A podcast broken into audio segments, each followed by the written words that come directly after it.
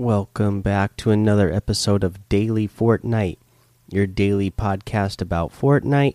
I'm your host, Mikey, aka Mike Daddy, aka Magnificent Mikey. Okay, so what we got going on in, in the news today? Uh, some problems going on with the uh, Epic Store, I guess. So we're investigating issues on PC and Mac that may impact launcher logins and in game purchases. We'll provide an update as we have more info. They went on further to say we're aware that logins and purchases are additionally impacted on iOS and Android. We're actively working to resolve login and purchasing issues on all affected platforms and will continue to keep you updated. And just a little while ago, they put out the tweet saying the issues impacting logins and purchases on PC, Mac, iOS, and Android have been resolved.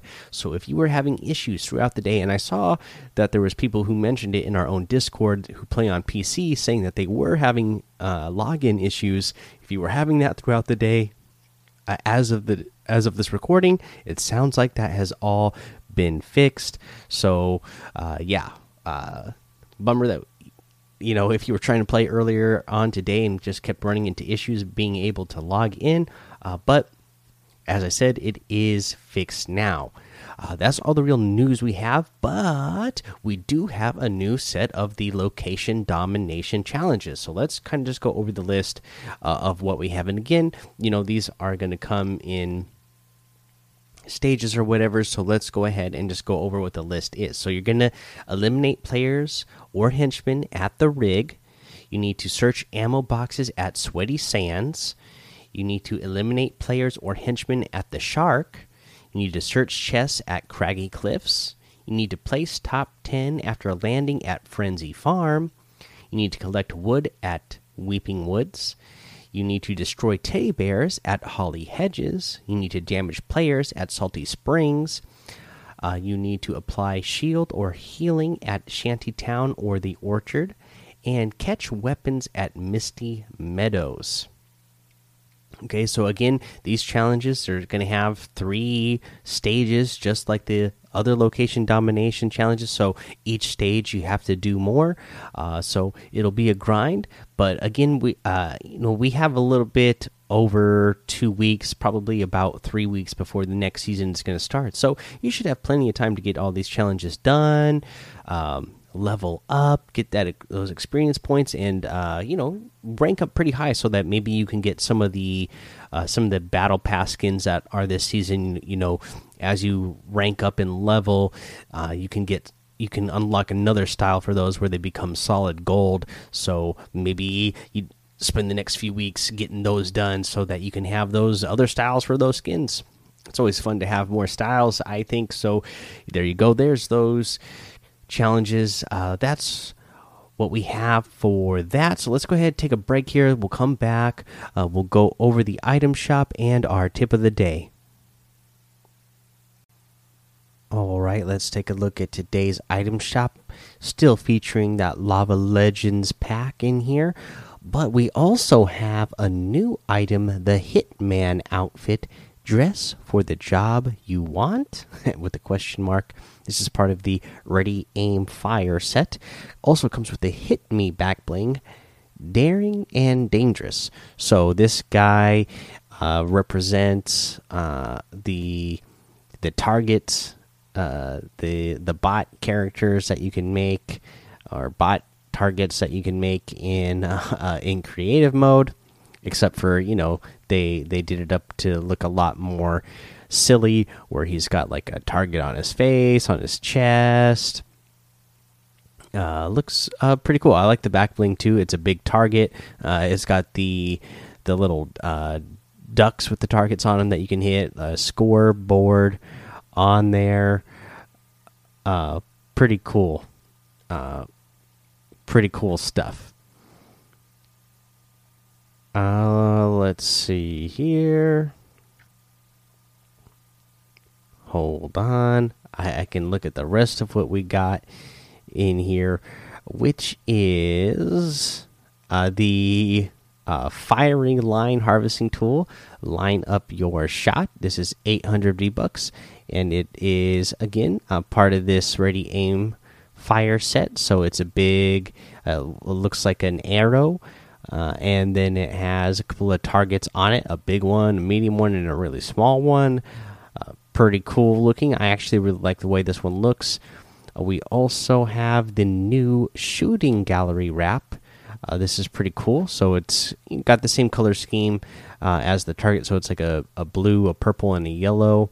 Pretty cool. I like it. I like it.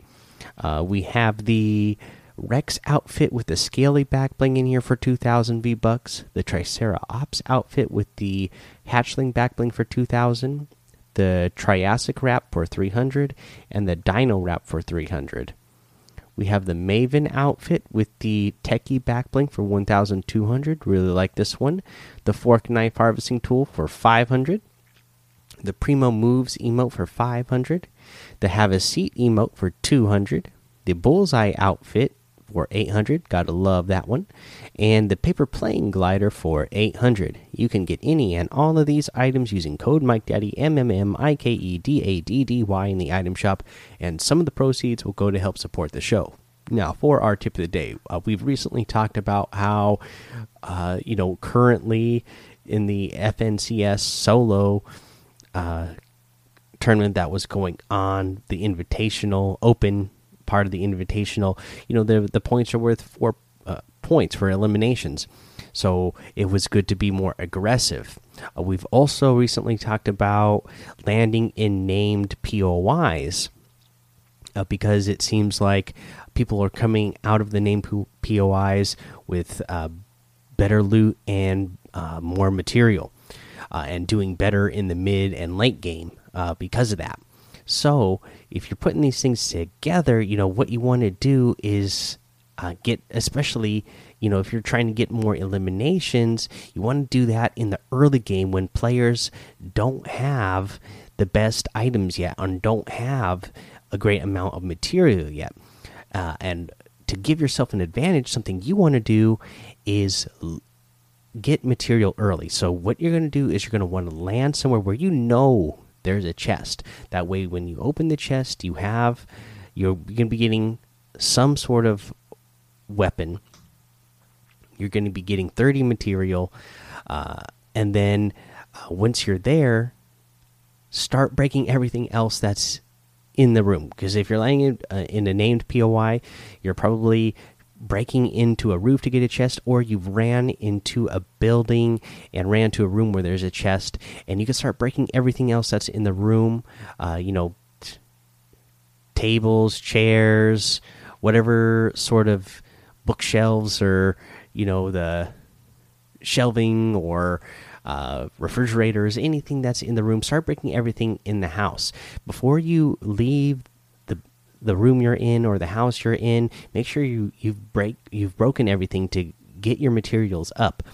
Uh, because you're going to want to have those builds to have the advantage over uh, the opponent, the next opponent that you run into in the early game, so that you can get those early eliminations. So that that's something I suggest. I see a lot of people who definitely they they land in a hot drop. They they focus on getting that chest and once they get that chest open they think okay i have a weapon. I'm going to go run and eliminate someone now. But they only have the 30 material from the material they got out of the chest.